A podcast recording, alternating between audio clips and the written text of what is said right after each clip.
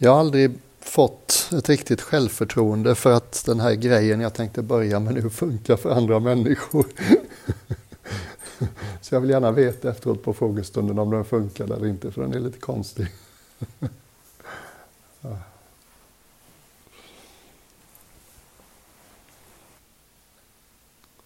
Bara för att få lite rutin på ett sätt att börja som är som stadigt och hållbart.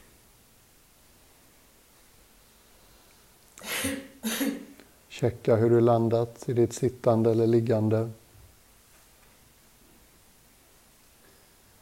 Sitter eller ligger du på det du har under dig som en ängslig hyresgäst? Eller har du tagit platsen i besittning lite mer?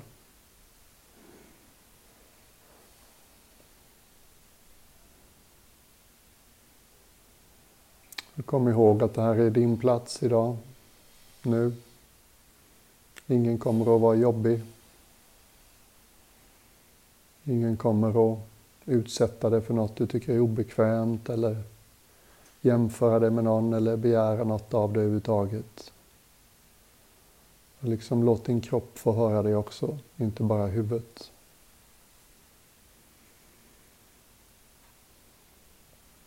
Och för dig som gillade det här sättet att uppleva andetaget upp och ner genom bålen. Ett par medvetna utandningar kan vara skönt. Varje utandning går ner genom kroppen. Slutet av utandningen kan till och med vara att du kommer igenom bäckenbotten och höftvaggan och känner av det du sitter på eller ligger på.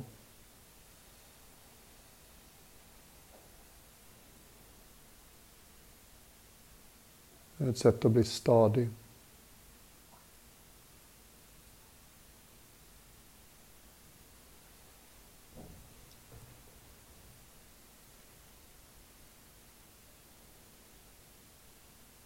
Einstein lär ha sagt att ett problem kan aldrig lösas av samma medvetandenivå som skapade. Och har du hört mig rätt i helgen så förstår du att jag tycker att problem är något vi skapar i, i oss själva. Sätter upp en dialitet där vi går i motstånd till verkligheten. Mm. Och hur kan vi hitta en tankenivå, medvetandenivå som är lite större än den som skapade problemet? Ja, då måste vi hitta något större än intellekt. Och det gör vi till exempel genom att gå ner i kroppen. Det är speciellt vitalt när livet blir som tuffast. Tänk om några av oss nästa gång som livet blev riktigt utmanande kunde komma ihåg det. När chefen står och skriker eller någon annan gör det. Kom ur huvudet. Där låser det sig lätt. Hur kommer jag ur det? Låt utandningen ta dig ner genom överkroppen. Sitter du, känn stussen mot det du sitter på. Står du, känn fotsulorna mot det du står på. Intellektuellt helt ointressant. Filosofiskt inte så imponerande. Men eh, erfarenhetsmässigt ett stort skifte. Och det är som svårast när livet blir tufft. Våra tankar och farhågor och föreställningar och framtidsscenarios är så övertygande. Högljudda. Då är det väldigt, väldigt bra att ha tränat lite på det i en lugn omständighet som det här. Och när vi sån känner oss lite hemma i någonting utanför huvudet. Nu kan vi stämma av den vertikala axeln också. Sitter huvudet på axlarna på ett sätt som känns hållbart, oansträngt. Sitter bröstet och bröstryggen på mellangärdet på ett sätt som känns balanserat.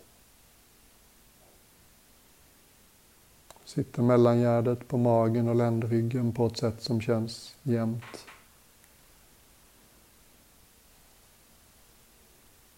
Känner du några tendenser till att stänga eller krympa? Så mjukt slappna av runt om.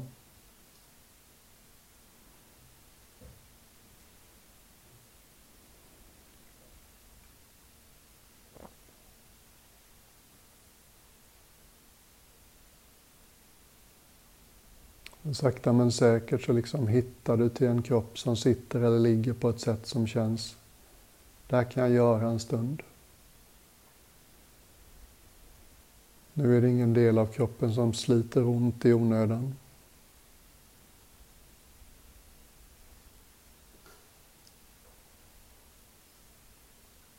Och nu kommer den lite otippade vändningen om en novis i England i våra klaster så var man novis i något år innan man blev munk. Noviser ser ut som munkar men de har liksom ett enklare regelsystem och kan göra saker som att laga mat och sådär som munkar och nunnor inte gör. Och livet som novis kan vara ganska upptaget. Och den här novisen var grym på att skriva haiku-dikter, grym på trädgårdsarbete, grym på att laga mat. Han lagade gröten varje dag till 30, 40, 50 pers. Ofta kände han sig lite överlastad.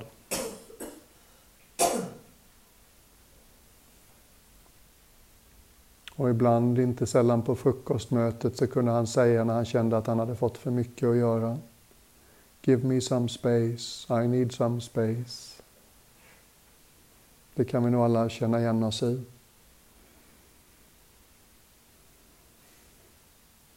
Att ibland är det bara förpackat för mycket, för lite utrymme. Och läraren i vårt kloster i England, Adjan Suchito, som jag nämnt innan, han var nog den mest kreativa människa jag stött på i hela mitt liv. Vi erbjöd en guidad meditation för allmänheten varje söndag, middag, söndag eftermiddag. Efter testunden. Och de sju åren jag bodde med honom så ledde han kanske hälften av dem. Så det blir ju ett par hundra. Och jag upplevde egentligen aldrig att han upprepar sig i någon större utsträckning. Hans inre var liksom som en fontän, det bara hittade på hela tiden. Och någon gång så gjorde han en ovanlig meditation med som jag tänkte vi kunde bara sjösätta lite lekfullt här också.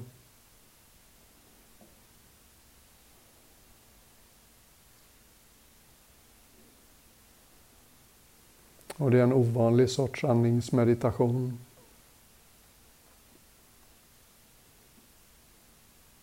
Om du bara tänker dig att du registrerar andetaget inifrån din egen hals.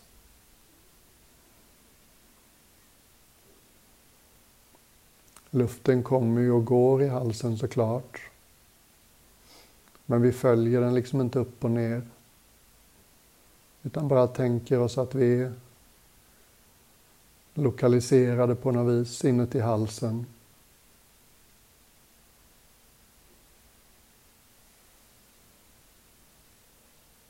Så vi är liksom det stilla utrymmet i halsen. Vi känner luften gå in och ut i lungorna.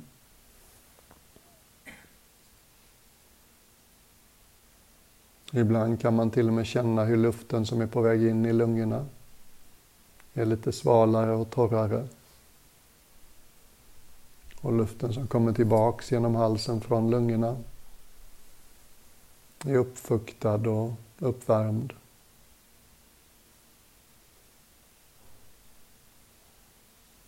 Det är ganska subtilt och det är lätt att spacea ut. Försök att vara ganska på hugget sådär. När börjar jag känna ett andetag?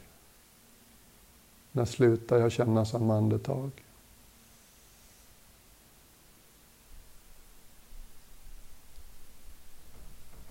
Förnimmer jag någon skillnad på luften som går ner i lungorna och luften som kommer ut igen?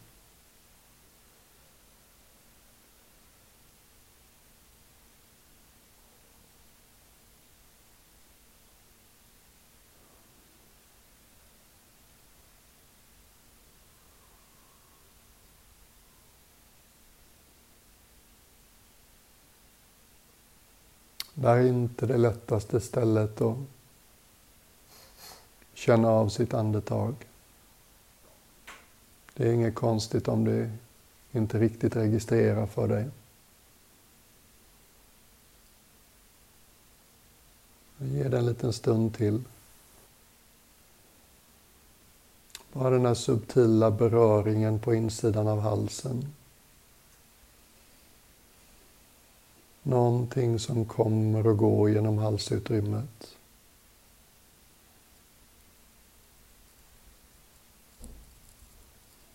Och du och jag är just nu i utrymmet där i halsen. Det som är stilla och rymligt och låter allt komma och gå.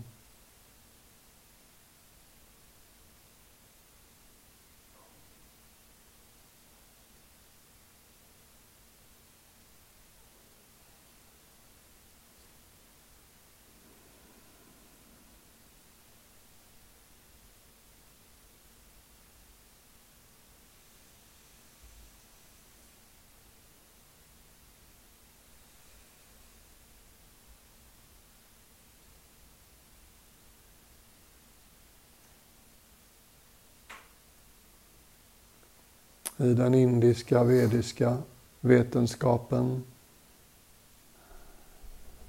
så upptäckte man att vi har sju kraftcentrum i människokroppen längs med våran mittlinje. De kallas ofta för chakras.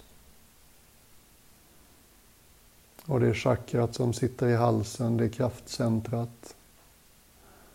Det förknippas med ett element Flera av chakrarna, kanske alla, förknippas med olika element. Men i halsen är det just rymdelementet, tomrummet, utrymmet.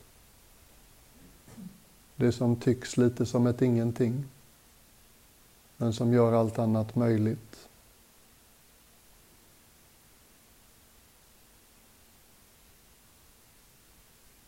Och om man vänjer sig vid, leker med den här meditationen så blir man påmind om att här finns utrymme.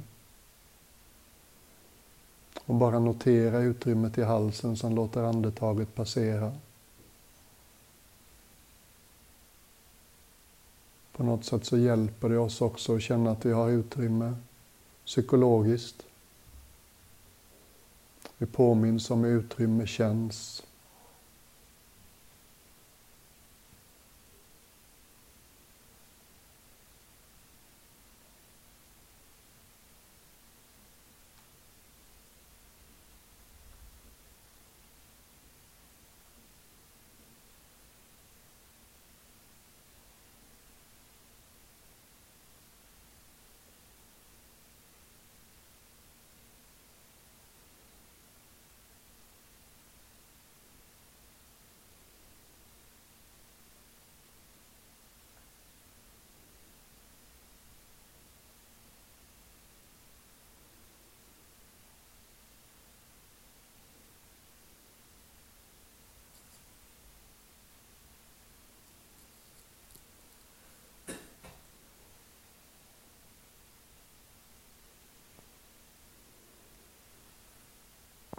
Nu börjar det kännas lugnt och närvarande i rummet.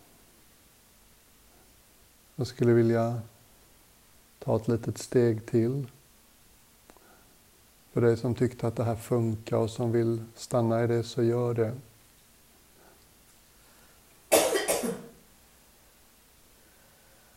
För dig som inte vill göra det mer komplicerat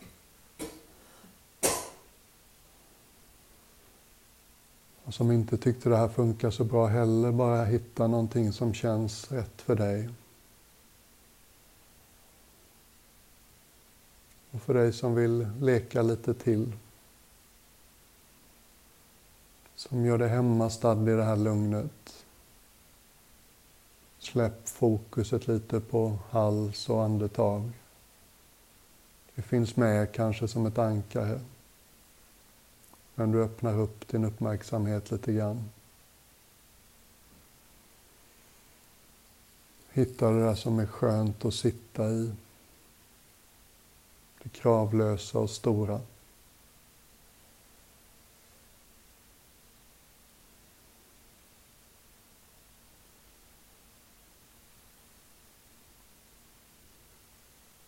Och i buddhismen så är det så här processen funkar. Vi hittar ett sätt att lugna intellektet lite. I takt med att tankarna sänker takten lite. Så det är lättare att vara närvarande. Vi hittar ett friare sätt att förhålla oss till tankar och känslor. Med lite mer perspektiv och valmöjlighet. Och i det här relativa lugnet så kan man plocka upp en idé, en tanke.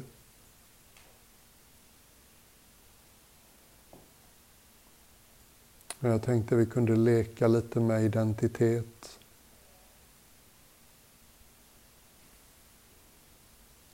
Vi kan säkert alla säga en hel del om oss själva. Jag är så här gammal. Men just nu när du sitter här så är faktiskt din ålder en abstraktion. Det finns ingen här och nu-verklighet som bekräftar att du är x år gammal.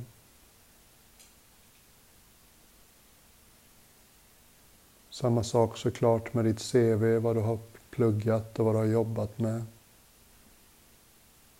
Det äger sin relativa riktighet såklart. Men här och nu så är allt det där bara minnen. Ord och siffror på ett CV.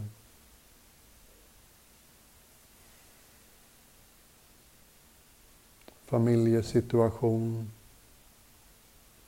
Var du har bott och vem du har bott med.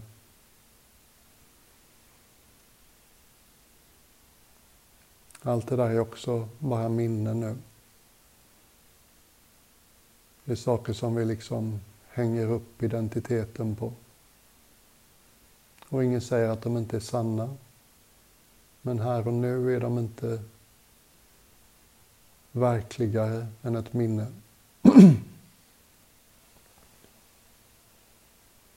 Till och med vårt kön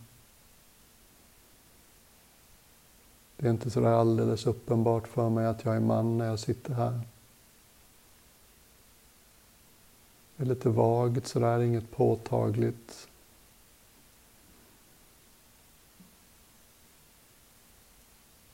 Så kön känns också lite abstrakt just nu.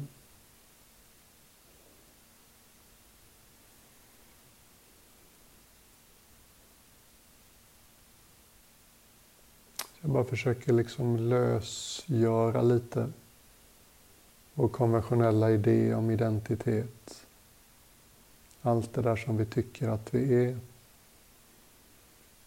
Din personlighet, när du tänker på den just nu. Kanske du har idéer om hurdan din är, på vilka sätt den är ovanlig.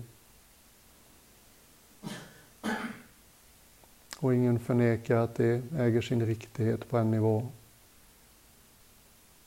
Men just nu så är de idéerna också bara begrepp.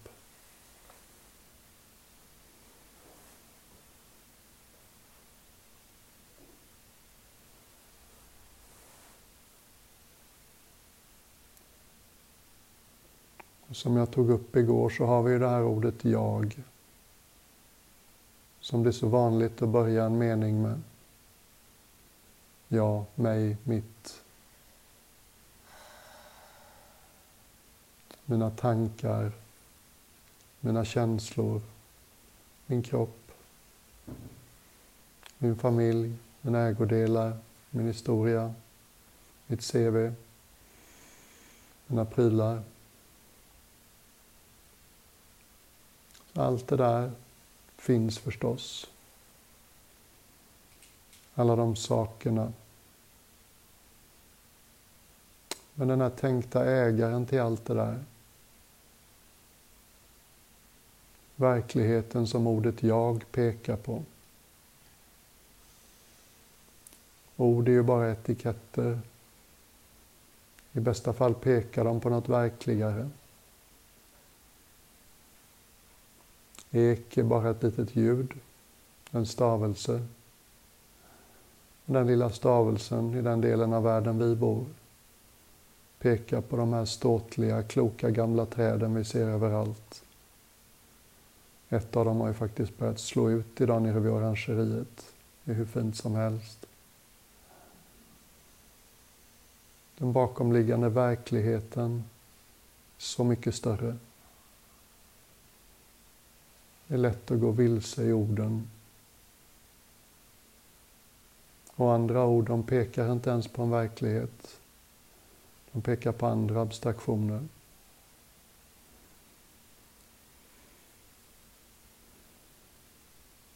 Men bara lite lekfullt, utan att försöka vara smarta. Om vi bara tar upp det ordet jag, som vi alla använder så mycket. Ingen förnekar allt det vi förknippar med ordet jag. Men om ordet är värt sitt salt, borde det inte finnas någon liksom handfast, påtaglig verklighet under ordet?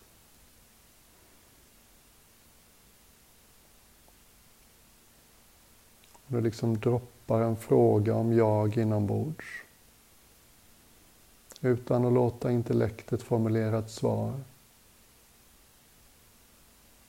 Mera som du droppar en sten i en djup brunn och kanske väntar på svaret. Formulerar inget svar.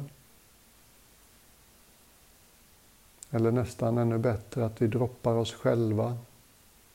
Vi droppar vår uppmärksamhet som en sten i brunnen med frågan. Låter frågan ta oss i riktningen där svaret finns.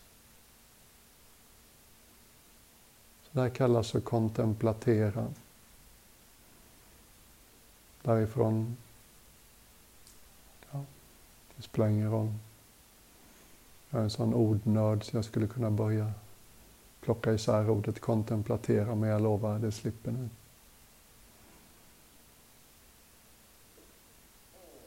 Det här är en väldigt gammal, spännande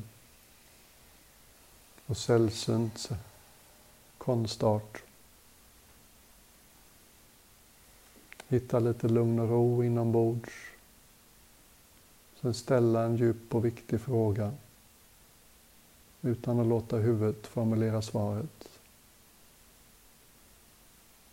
Mera lyssna efter ett svar från en djupare plats. Eller låta frågan ta dig närmare svaret.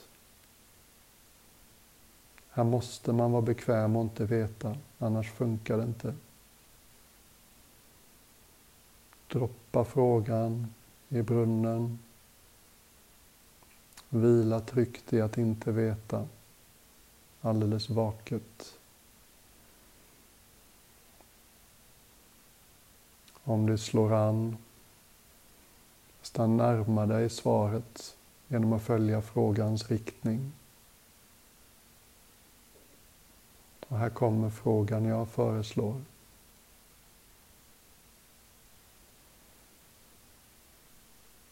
Vad är jag?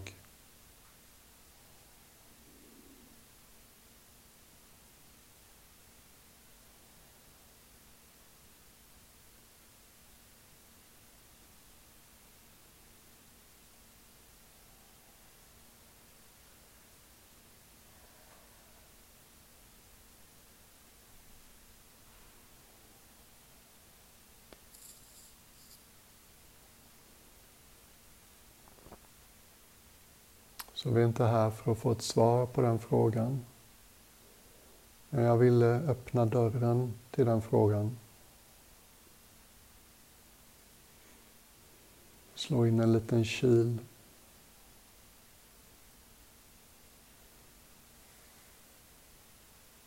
Som du säkert har förstått så är min övertygelse och många av er också att det vi egentligen är, vår essens, är någonting mycket, mycket, mycket större. Den där bilden av oss själva vi bär med oss i huvudet.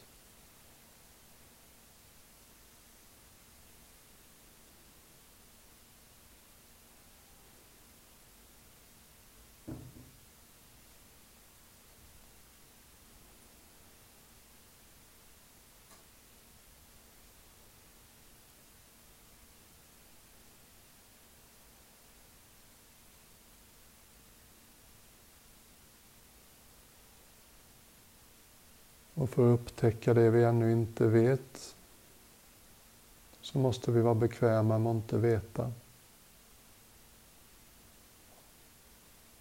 För att få tillgång till det stora behöver vi släppa kontrollen och släppa taget om det lilla.